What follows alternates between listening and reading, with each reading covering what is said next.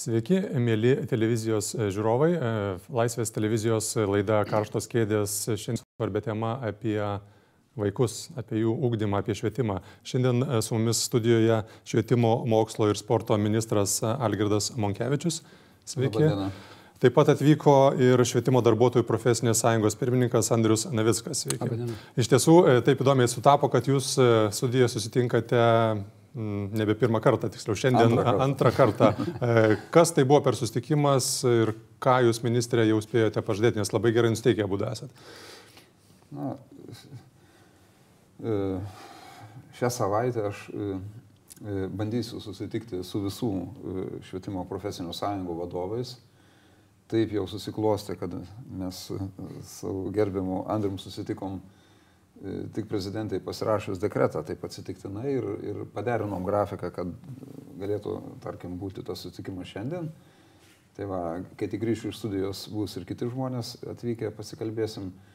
Na tai mano įsipareigojimas kalbėtis, kad būtų dialogas, kalbėtis apie pačius svarbiausius klausimus, kurie šiandien švietimo bendruomenėje aktualūs. Na, profesinės sąjungos tai ypač aiškiai yra išreiškusios, pademonstravusios, manau, kad reikia man išgirsti pirmiausiai kiekvieną profesinę sąjungą, pasikalbant su lyderiais, kokie lūkesčiai, kaip mato situaciją, kaip mato va, dabar šitos projektus, kurie turėtų būti teisinti ministro įsakymais. Na, ir, ir apie bendrą perspektyvą, bendrą klimatą švietimo bendruomeniai, ką mes galėtume kartu padaryti, o kartu, aišku, išlaikant savo skirtingas misijas, jos nėra vienodos.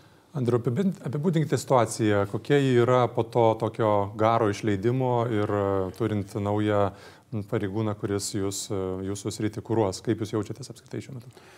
Na, tikrai situacija, kaip jūs irgi prieš laidą gerai minėjote, yra sudėtinga ir daug nusivylimų mokytojų tarpe ir e, tokios, kaip matom, ir tos įtampos kylančios dažnai, nes mokytojai yra daugelį atvejų perdėgę ir, na, tikisi daug ko, e, kad visgi ir ypatingai labai tikėjosi, kad ši, ši vyriausybė imsis tokių permainų, kurios e, gerins tiek ekonominę situaciją, tiek darbo sąlygas, bet kaip matėm iš ankstesnės ministerijos vadovybės, tų, tų pokyčių taip ir nesulaukėm. Tai ir dabar, na, taip labai jau gerai ir užsiliuoti nenorim ir, na, tikrai ir ministras turbūt ir nepasakė ir jūs, kad nėra jokių pažadų ir tikėjimo kažkokiais pažadais, bet mes šiandien ką mums tiesiog pavyko pasikalbėti ir surasti sutarimą dėl bendrų siekių. Aiškiu, tai siekiai tikrai yra e, panašus ir labai natūralu, kad ministras mus dabar girdi ir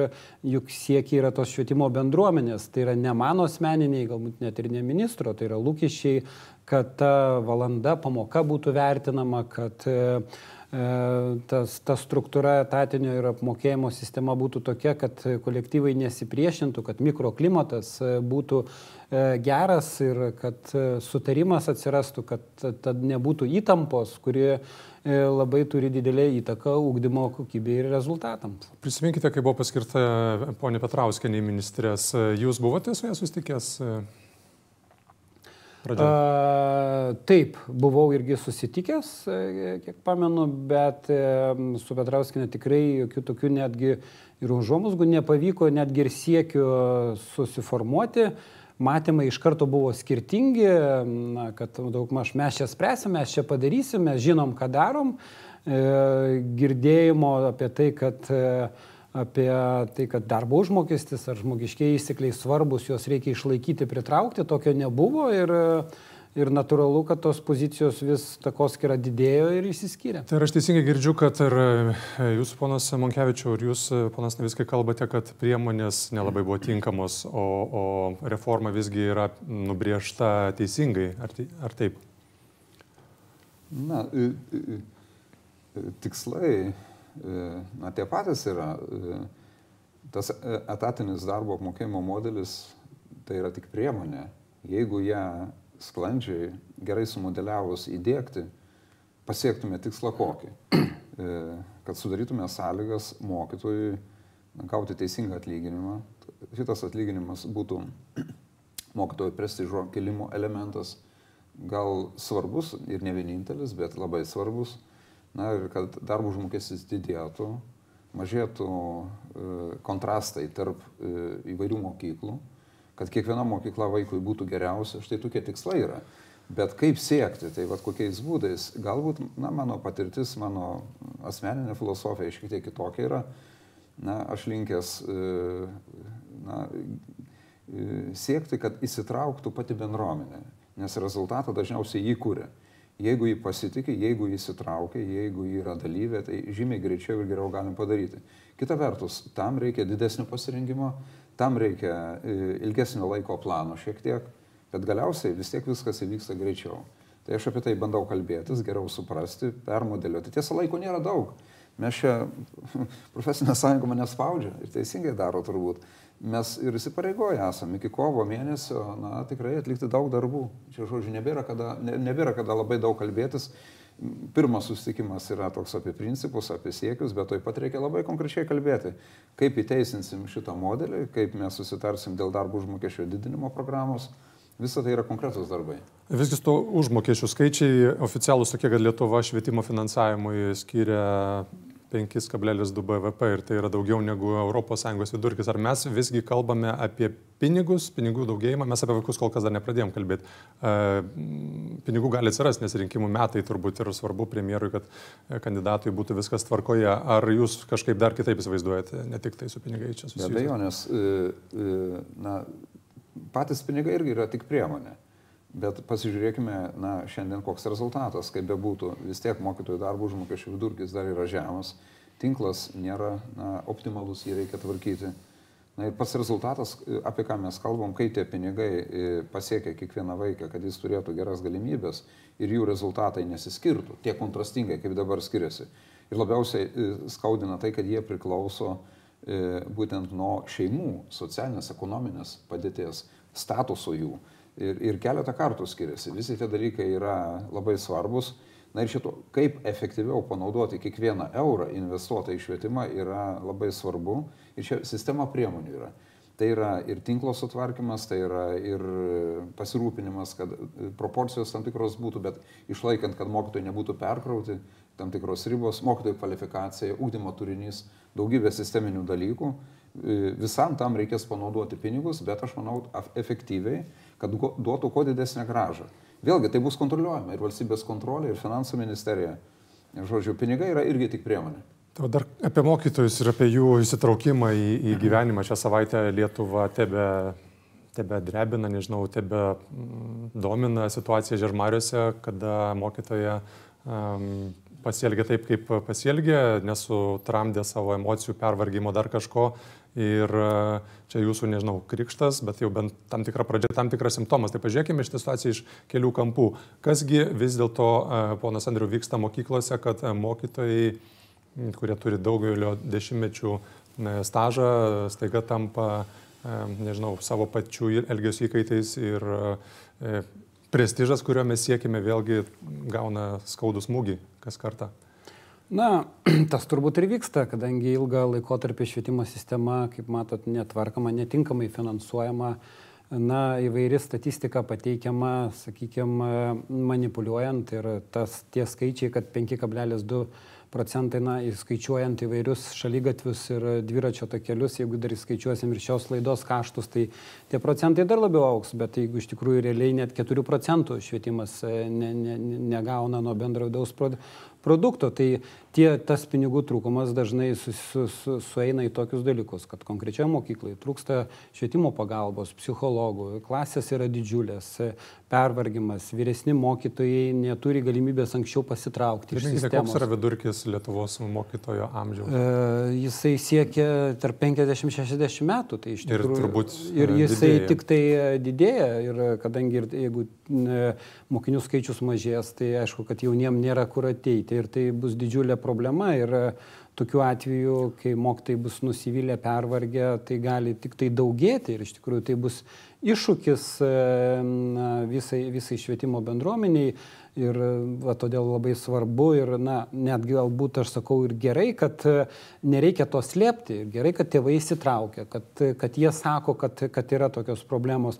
Tik tai klausimas, kaip mes tas problemas spręsim. Ar kaltindami mokytoją, ar žiūrėsim sistemiškai, kaip, e, pavyzdžiui, kitose šalyse va, dabar teigiama, kad mokytojų per daug, bet mokytojų, pasižiūrėkim, kiek kitos šalyse yra mokytojų padėjėjų. Jeigu dabar yra klasė 30 vaikų nemotivuotų ir vienam mokytojui su jie dirbti, dirbti ir valdyti, ar tai negalėtų būti ir šalia specialistas, kuris galbūt e, užtikrintų tai, kad mokytojai nereiktų ša, šaukti, ne, o galbūt ne vien tai yra mokytojo problema. Tai e, taip mes ir žiūrim šitą situaciją, kad e, palikti vieno mokytojo spręsti sisteminės problemas yra neteisinga. Ar jūs matot prielaidų, kad kažkas gali pasikeisti esmingai dėl to, kad pasikeitė ministras?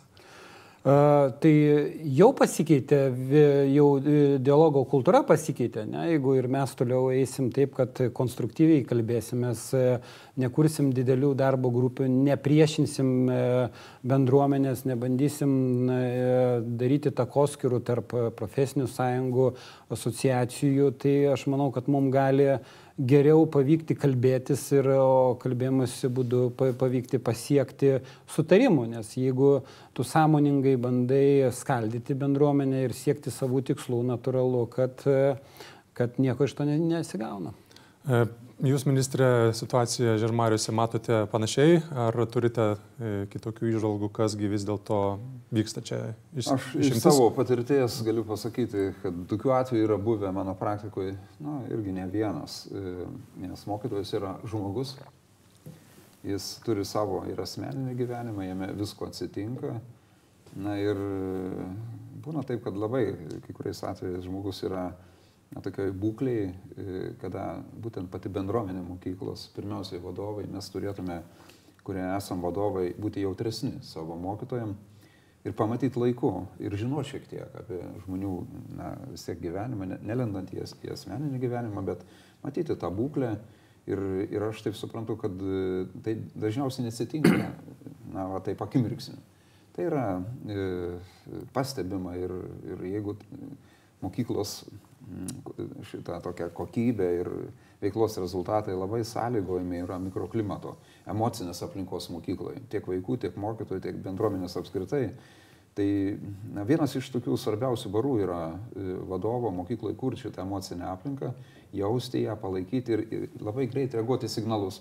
Tai viena. Dabar kitas dalykas. Aš galvoju, šiandien yra žymiai sunkiau negu mano laikais kuomet aš buvau mokyklos vadovas. Visuomenė per tą laiką labai yra pasikeitusi. Tikrai dabar yra emancipuota, išlaisvinta ir įvairių priemonių ir taip toliau. Vaikai visiškai kitaip daug ką mato ir mokytojui reikia keisti metodus, padėti, pagalba mokytojui. Ne tik tokia e, vienkartinė, kuomet žmogui yra sudėtinga, bet apskritai reikia rimtai pagalvoti apie mokytojų kvalifikaciją ir gebėjimus dirbti kitokioje terpėje, kitokioje aplinkoje, kitokiom sąlygom. Visiškai pritariu, turim pagalvoti apie padėjėjus Tai kai, kai kur aš matau taip pat, kai kur matau dar netgi galvodamas apie švietimo pagalbą, priežiūrą, kad mes turėtume taikliau investuoti būtent į šitą aplinką, kad mes neturėtume tokių atvejų. Ir galų galia, kaip reaguoti tai.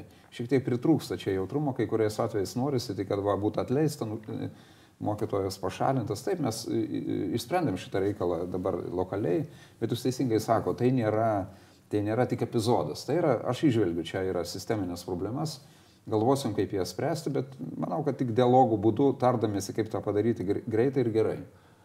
O ruošime kur tos mokytojus, nes kaip suprantu, ateinate tokiu metu, kai nebėra to edukologijos universiteto, viskas išskaidyta, čia yra, pritarėte tam? Matot, tai kiek priėmė praeitais metais naujų į programas apie porą šimtų su trupučiu. Tai jeigu mes tik tokiais tempais galvosim, kad kažkada jie pakeis dabar keliasdešimt tūkstančių mokytojų, tai čia reikės šimtą metų turbūt. Bet turim matyti dabar dirbančius mokytojus ir galvoti, kaip kelti jų kvalifikaciją ir kai kuriais atvejais labai, labai greit sparčiai tą daryti, iš esmės daryti, kitokiais būdais. Na, nereikia kopijuoti čia užsienio aklai, bet yra geros patirties kitose šalise, bet ir patys esame, man atrodo, pakankamai sumanus, kad galėtume visą tai organizuoti efektyviau. Mano galva, e, taikinys turi būti ne vien tik naujų mokytojų rengimas, kas be galo svarbu yra, bet e, labiau sukurti mokytojų viziją. Koks šiandien turi būti mokytojas? Šiandien, šiandieninis mokytojas. Naujoje aplinkoje. Ir ne tik šiandien. Kai sakau šiandien, tai aš galvoju už dešimties metų. Tai yra aktorius, tai yra visai kitokioje atviroje aplinkoje, jis greičiausiai bus matomas kiekvieną dieną. Tai va, kaip mes tą turime na, dabar e, padaryti, kad mokytojai nebijotų, jie susikaustė, jie tiesiog jautriai reaguoja. Kaip dabar va, tą įrašų problemą spręsti? Galime, negalime, kaip sureguliuoti? Žiūrėkit, kokie klausimai kyla. Ir, ir, ir juos norint rasti atsakymų, reikia labai rimtai ir padiskutuoti, suprasti globales permainas pasaulyje, į ką mes turime žiūrėti. Ir turėti aiškę strategiją. Ir tai nėra vien tik tais pedagogų rengimas, kuris irgi turi būti nutaikytas į tą mokytoją, kurį mes matom po dešimties metų. Štai mano uždavinys yra sutelkti mūsų ekspertus, edukologus, čia reikia ir filosofiškai mąstyti bet ne tik filosofuoti, labai imtis rimtų priemonių ir labai greit keisti mokytojų. Tai va tos priemonės, ar šitas e, atvejis kažkam paskatina, kad jau dabar reikėtų kažkokiu tai, nes ne nebuvo baigusi, aš kaip suprantu, net emocinio ten to pasirinkimo kursų, nes e, mane, kad... Už tai kiekvieną lasdą turi du galus. Tai yra skaudu vaikams, e, tai bendruomeniai tikriausiai, ten visiems yra dabar skaudu, bet tai yra ir, kit, ir kitas galas lasdos. Tai yra pamoka. Pamoka pirmiausia ir man kaip ministrui, bet ir tai mokyklai, ir švietimo priežiūrai mes na, iš tos pamokos turim padaryti geras išvadas ir na, siekti keisti šitą sistemą. Jūs šitoje sistemoje tikrai labai labai daug visko matėte, dirbote Pakso vyriausybėje, Brazausko vyriausybėje, Kirkilo vyriausybėje ir esate vienas tų žmonių, kurie įdėgė vadinamai profiliavimą. Turbūt užaugo jau ne viena laida su tuo, kaip jūs pats vertinate tą irgi buvo kalbama apie vizijas, matymą ir švietimo sistemos netidėliotiną reformą. Turbūt jums kažkoks dežavų jausmas turėtų kartais apimti. Kaip jūs vertinate, ar tai buvo klaida, ar tai buvo visgi geresnis dalykas negu anksčiau? Na, žinot, čia e, dėkui už tą autorystę, bet neturėčiau aš juos labai nu, savintis, nes nebūtų sąžininga. Nu, įgyvendinote bent jau. Šiaip jo, mes taip turbūt e, galvojom, aš prisimenu, dirbau toje srityje, kuomet buvo diskusijos apie tai ir tai buvo sankirta, kuomet atsirado e, tokia banga atsigavimo gimnazijų, ką dabar daryti, kaip reikėtų žiūrėti ir buvo bandoma galvoti, kad labiau reikėtų e, ugdymo procesą orientuoti į individualybę tuo metu, tai buvo maždaug 1996-1997 metai, net tokia patirtis, kuomet reikėtų sudaryti vaikui daugiau galimybės e, pagal tokią naują ugdymo paradigmą prisitaikyti prie jo prigimties, charakterių ir jam sudaryti Šiaip tai pati idėja nebloga, bet galbūt mes jau ir galvojam, kad visgi negalim užmiršti, kad yra e, tam tikras lygis bendrų dalykų. Ir tas toks pernelyg didelis profiliavimas, nepaliekant gero lygio bendrų disciplinų, kurios turi būti, nesvarbu, ar žmogus bus humanitaras, mm. ar tikslių, ar gamtos mokslo, irgi veda į tokį kraštutinumą. Na, e, žodžiu, e, mano tame laikotarpį tikrai mes bandėm šitą švelninti, tobulinti na, e, e, tikrai keičiasi tos, e, kaip sakant, vyriausybės valdžios, jos ten tęsia. Nemanau, kad čia viskas blogai. Taip kitko, nesu iš tų, kurie galvoja, kad praeitį vien tik klaidos, vien tik blogai. Tai buvo statyba, konstravimas, mintis, diskusijos, padaryta klaidų, bet bandoma jas ir tobulinti, taisyti, tos jūs... projektus tobulinti, klaidas taisyti. Na, žodžiu, e, e, dėžavų yra, nes mes va tą krepšelį, kai įvedėm, tai reikėjo spręsti visai kitas problemas, bet jos pavirto trupučiuką e, kuo kitko, kadangi man atrodo, kad buvo galima tą sistemą trupučiuką anksčiau tobulinti. Na ir, ir šiandien, bet mes grįžtam vėl prie tų pačių idėjų, krepšelis, visi tie finansavimo instrumentai, jie yra instrumentai. Aš dabar aiškiai suprantu, kad visada reikia matyti, kaip tas instrumentas tarnauja prasmei kaip kiekvienas vaikas turi vienodai geras, lygias galimybės visoje Lietuvoje. Na tai idealas, bet prie to idealo turime eiti. Tai dabar jeigu ir tobulinsim tą finansavimo sistemą, ne, tai aš, kaip sakant, e, tikrai matau aiškiau šitos taikinius ir įsivaizduoju, kad mes turėtume nebekalbėti apie tą krepšelį, bet daugiau kalbėti apie tai, koks tas bazinis e, finansinis e, lygis yra būtinas, kad mes galėtume turėti teisingesnę švietimo sistemą. Na, iš tiesų, gyvenimas jums suteikia neįtikėtinai įdomų šansą pasižiūrėti, kas įvyko ir pataisyti, pagerinti tai, kas buvo padaryta praeitį, to aš jums ir linkiu, o e, žiūrovai klausia labai tokio logiško, sakyčiau, dalyko Ar mes išradinėjom dviratį Lietuvos švietimo sistemoje, nes yra, aišku, paminima Suomija, ko gero, yra paminima Estija ir kitos šalis. Ar negalima kažkaip pat e, paimti ir perimti? Andriu, pirmiausia, paties norėčiau pasiklausti. E, perimti. E, modelį švietimo, kuris tinka visiems ir yra pasteisinęs daugelį kartų. Pavyzdžiui, Estijos ar Suomijos, ne? Mhm. Tai Tai labai geras klausimas ir turbūt, vat, kai keliam ir, pavyzdžiui, mokytojų rengimą ir čia žiūrim, kaip čia atvažiuos aš kažkur ar parengsim kažką stebuklingo. jeigu pasižiūrėtumėm Estijos variantą, tai juk e, stebuklingai pasiekti geri rezultatai per trumpą laiką su tais pačiais mokytojais, pavyzdžiui, kurie buvo rengti praktiškai tos pačios sistemos. Jų irgi amžius yra, netėjo, nenusileido iš kosmoso tie mokytojai. Tai reiškia, e, kai e, sistema ir padaromos prielaidos, Tai tikrai ir mūsų mokytojai pajėgus padaryti puikius ir gerus rezultatus mes matom. Tiesiog sistemoje yra daug chaoso, jinai yra išbalansuota Ir čia visgi reikėtų akcentą e, dėti ne į parengimą, kur šimtą metų mums gal dar reikės pakeisti mokytojus, bet kaip išsaugoti sistemoje gerus mokytojus. Jų yra tikrai puikių ir gerų. Ir kas blogiausia, kad per šitas reformas mes juos pametam ir išeina iš mokyklos dažnai geriausi, nes jie yra, nėra vertinami, tos e, valandinis įkainis kaip jau labai mažas. Ir tiesiog e, nereikia pamiršti, kad švietimo sistema konkuruoja su kitom sistemom. Ir E, geriausius darbuotojus e, juos, e, juos pe, perima kitos rytis. Tai, tai va, šities yra labai svarbus dalykai. Tai čia prašyti prašus klausimas, ar buvo kažkas tokio pasėta dirbų į šitą sieklų, į šitą dirbą, kad jau tikimasi, kad va, reforma kažkada kažko duos, nes kaip suprantu, Suomija irgi ilgokai ten planavo ir darė ir pradėjo po 20 metų gauti kažkokius rezultatus. Mes artimiausiu metu kažko turbūt nesitikim proveržio ar dar kažko jūs ateinate, kad restartuotumėte sistemą, ar kaip jūs apibūdintumėte šitą sistemą. Kodėlgi, kodėlgi ne? Manau, kad e, mes turime tikėtis tų rodiklių. E, na, aš pirmiausiai galvoju, e, štai pačioje vyriausybės programos įgyvendinimo plane yra numatyti konkretus skaičiais išreikšti dydžiai, kurie yra susiję su rezultatu, kokybė, su, su pokyčiais tais. Ir ten jie tokie gana ženklus yra 10, 15, 20 procentų pokyčiai per tą trumpą laiką. Tai va čia jeigu išskleisti visą tą planą, jame tikrai yra nemažai ir tai yra permainos būtent per tą trumpą laikotarpį.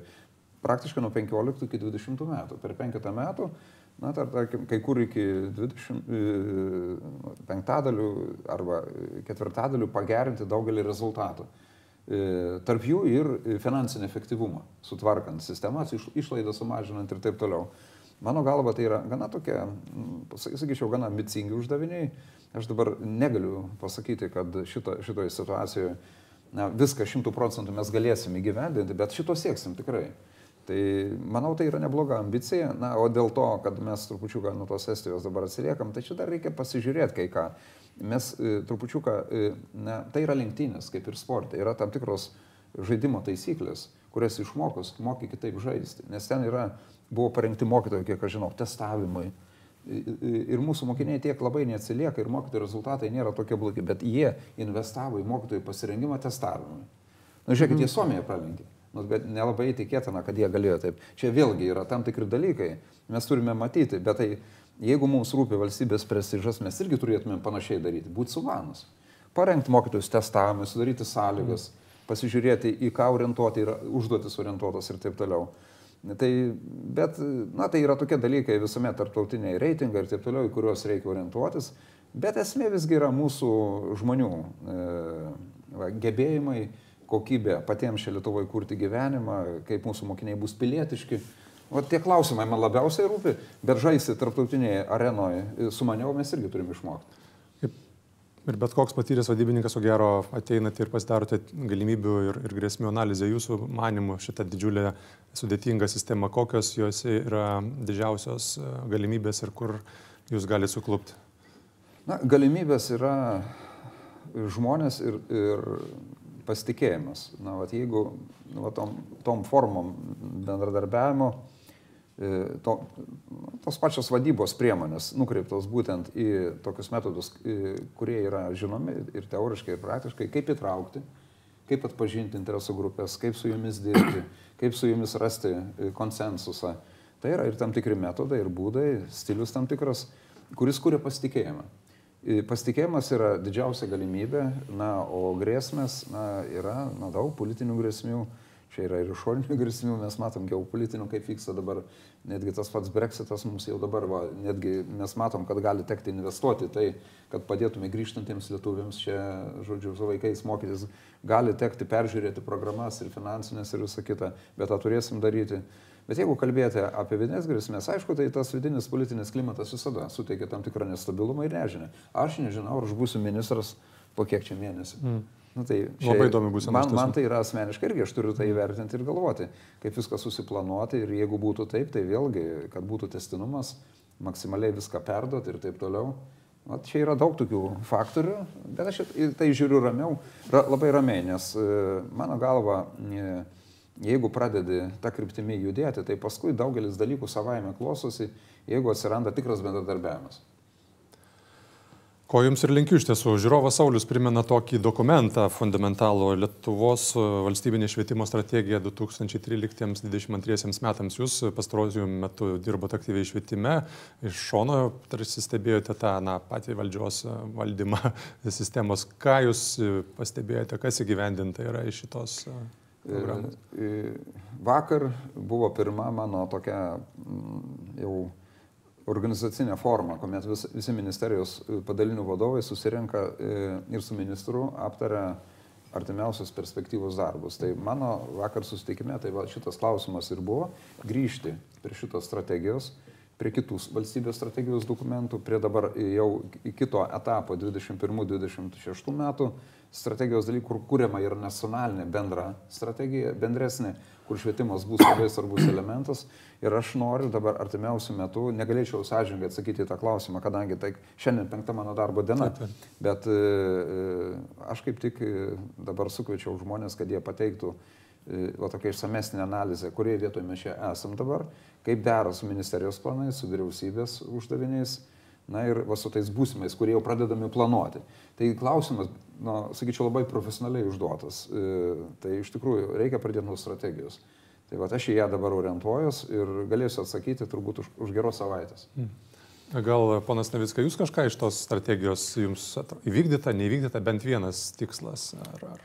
Matot, mes žiūrim kaip praktiką labai paprastai ir dažnai tos strategijos ir įvairios reformos ir dideli uh, politiniai šūkiai išvirsta daugiau į nieką, o Pavyzdžiui, žiūrint iš praktinės pusės labai paprastai, tai mūsų noras ir lūkestis e, labai paprastas yra, kad pasitikėjimas mokytojų ir sąlygų sudarimas, kaip ir pavyzdžiui šiais metais, kai yra daug chaoso sistemoje, mes pamatėme akivaizdžiai, kad mokytojas gali dirbti netokiamis sąlygomis, kaip nebuvo aišku, nei darbo užmokesčių sistemos, nei darbo sutartis neveikia mokyklose ir dabar ir neaiškus nei tvarkarašiai, nei pareigybės, o tiesiog mokytas puikiausiai dirbo savo darbą. Tai reiškia, sudarė ir pasitikėdami mokytojų, tai yra geriausia strategija, pavyzdžiui, tikslui pasiekti. Ir to mokytojo santykiai su tėvais ir pasitikėjimas ir bendradarbiavimas tėvų, mokinių, mokytojų dažnai sukuria geriausius pasiekimus ir rezultatus. Taip tariant, aš ką girdžiu, tai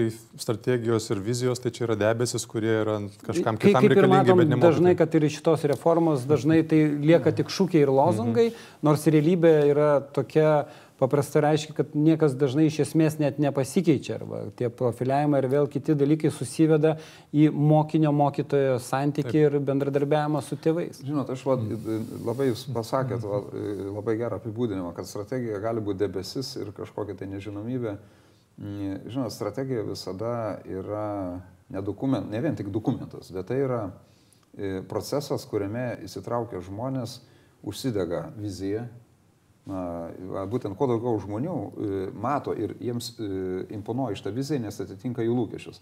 Aš e, tokių pavyzdžių žinau, kad, va, tarkim, Danijoje premjeras Rasmusenas Danijos globalizacijos strategiją, kai rengė, jis tuo metu labai gerai suprasdamas tą dalyką, labai investavo į žmonių įtraukimą. Mes dar to nesame išmokę Lietuvoje. Tai va, ir tuos klausimus tada galima atsakyti labai lengvai. Vat būtent, kiek žmonių užsidegė štai tuo siekiu, tarkim, ar dešimties metų laikotarpį matyti tą pokytį, į kurį mes einam. O tada organizacija įmasi tos misijos, planuoja darbus, na ir visi tada matuoja pagal tą priartėjimą prie to užsibriešto vizijos dalyko, bet visi užsidegę šito nori. Deja, mes Lietuvoje strategijas matom tik kaip dokumentus. Ir tada pavirsta tuo debesiu, žmonės kažkaip net nelabai gali pasakyti, nu, va, yra globalizacijos ar ten 2030 strategija. Ji tarp kitko nebloga, bet yra dokumentas. Ir daugybė žmonių, net ekspertų šiandien, jeigu paklausime, koks ten svarbiausias siekis, kokie prioritetai, Nu, paklauskim, šimtų žmonių, kažina, kuris atsakys. Bet tai e, visose šalyse taip atsitinka, bet e, visgi ženklesnė dalis žmonių, jeigu patikė tokią strategiją kaip patrauklę viziją, na, va, būtent atsiranda tai, ta vadinama įtrauktis, žmonės dalyvauja ir ne, ne, nekyla didelių socialinių konfliktų, o tai be galo svarbu yra. Dar konkretus klausimai, žmonės e, domisi, e, konkrečiai Jonas e, iš Laisvės televizijos žiūrovų, norėtų žinoti, ar religinės valandos pamokos neturėtų būti iškeltos į šeštadieninės mokyklėlės kaip kitose šalise. Kaip Jūs manote apskritai čia toksai pasiūlymas? Na, svarstyti galim. Iš tikrųjų, aš dar šito klausimo. Taip, per penkias dienas nespėjau aptarti. Ne, nesuspėjau, bet iš tikrųjų galim svarstyti, nes šiaip yra e, visgi e, valandų ribos, nes dabar mes susitiksim su kūno kultūros mokytojais, kurie irgi kalba ir ten tikrai ir įstatymai numato, kad reikėtų spręsti šitą klausimą. Ir beveik visi dalykininkai norėtų šiek tiek daugiau tų valandų. Bet dėja yra hygienos normos, ribos, kiek vaikas gali mokytis, kiek tų pamokų galim turėti. Mes pasisakom daugulį atvejų už integralesnį požiūrį, kad galima kai ką integruoti. Bet e, tikrai kiekvieną klausimą galim svarstyti, matydami, ko mes siekiam. Ar tik tų valandų, ar kažką metatų turėti, ar mes norėtume, kad iš tikrųjų asmenybė keistųsi ir įgytų vertybių ir taip toliau.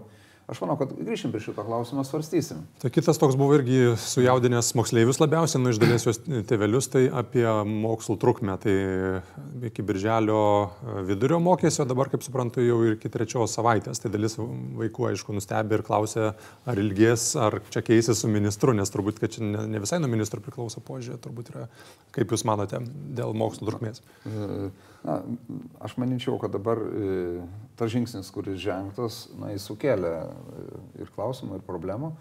Manau, reikėtų e, neskubėti dabar blaškytis ir pasistengti dabar pasižiūrėjus, kas įvyko na, praeitam cikle, e, na, tiesiog pasistengti ištaisyti trūkumus, o pagrindinis trūkumas, kad jeigu tuo metu, na, bent jau oro sąlygos leidžia, tai tikrai gali mokykla dirbti, bet turi užpildyti turiniu, turi būti suderinti atostogų grafikai, turi mokykla pajėgti tą padaryti, bet tai turi būti ūkdymas.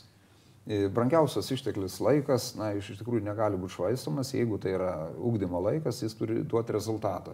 Tai vat, yra geros tikriausiai patirties, turėtume ją pasinaudoti, pagalvoti jau dabar šitame e, intervale, kuris buvo prailgintas, ką mes galim padaryti, e, na, kad tai būtų sėkmė. Mm. Bet, bet aš visiškai, kaip sakant, žinodamas mokyklų specifiką, na, noriu labai rimtai į tai pasigilinti ir pasižiūrėti, ar tikrai mokyklos pajėgios įgalintos pirmiausiai tą padaryti sėkmingai. Čia yra iš tikrųjų ir vadyba, ir mokytojų atostogos, kaip minėjau, ir kiti dalykai. Dar vienas labai konkretus klausimas, jau einant į pabaigą. Mokyklų viešiai pirkimai ir jų skaidrumas. Ką čia galima nuveikti, ką jūs ketinate daryti, kad jie vis dėlto pajudėtų į geresnę linkmę? Na, paprasti dalykai. Peržiūrim dabar šiuo metu, kai kas jau buvo padaryta, bet konkrečių išvadų na, nėra. Bet aš pasirašiau šiandien turbūt jau įsakymą dėl to, kad pratesti ir, ir tą auditą iki konkrečių išvadų. Ir ten numatyta yra prevenciškai daug ką padaryti, bet ir, yra numatyta pertvarkyti ministerijai pavaldžių įstaigų struktūrą. Mm. Joje, na, ne tik tai pagal funkcijas daug ką sklandžiau surikiuoti, bet visus viešuosius pirkimus sutvarkyti taip, kad nebūtų jokių abejonių, nes ten rizikos atsiranda įvairius e, profesionalai, e, kurie išmano, čia pasitelkėme ir SAT profesionalus ir taip toliau, kokios tos rizikos yra, kur ten atsiranda gal ir nepotizmas, kur yra įtartinos kažkokios bendrovės užregistruojamos mm. prieš pat konkursus ir taip toliau. Na, tai turim visą tai išskaidrinti ir dabar e, e, sukurti tokį mechanizmą viešųjų pirkimų, kuris būtų visiškai skaidrus, kontroliuojamas, niekam nekeltų abejonių. Čia ir tam tikrų pamokų, matyti, jau yra išmokusi pati ministerija. Žinoma, didžiulis ratas problemų ir, ir iššūkių. E, pačią pabaigą ponui Naviskui norėjau paprašyti įvardinti ministrui tris e, dalykus, kuriuos jisai turėtų jūsų supratimu padaryti ir nuo kurių padarimo ar nepadarimo priklausys turbūt ir jūsų požiūris, galbūt ne visada toks pozityvus kaip šiandien visą dieną. Net, tai reikia tikėtis, kad bus pozityvus, bet tikrai mes nesam e, labai naivus ir dažnai net suprantam, kad ne vieno ministro priklauso norų viskas ir daug kas nuo vyriausybės. Tai tikrai mes nelinkę užsiliuoti kažkokiais pažadais ar, ar kažkuo ir labai norim konkrečių dalykų ir netgi su konkrečiom datom mes norim, kad iki kovo pirmos būtų labai aiškus e, e vyriausybės pozicija, netgi ir sprendimai dėl valandinio kino, ar mes apsisprendžiam ir randam galimybę jau šiemet, net nuo rugsėjo pirmos perskirstant, pavyzdžiui, finansavimą, rasti galimybę pradėti žengti pirmus žingsnius ar, ar nuo kitų metų. Tai tas pats, ta pati etato struktūra judėti link to, kad na, tikrai mokytojai nebūtų pervargę ir nebūtų jie to, tokio, tokioje, tokiose sąlygose, kaip kad paskui matom Žiežmario atvejį. Tai tikrai mokytojai neturėtų dirbti daugiau 18 kontaktinių valandų. Tai,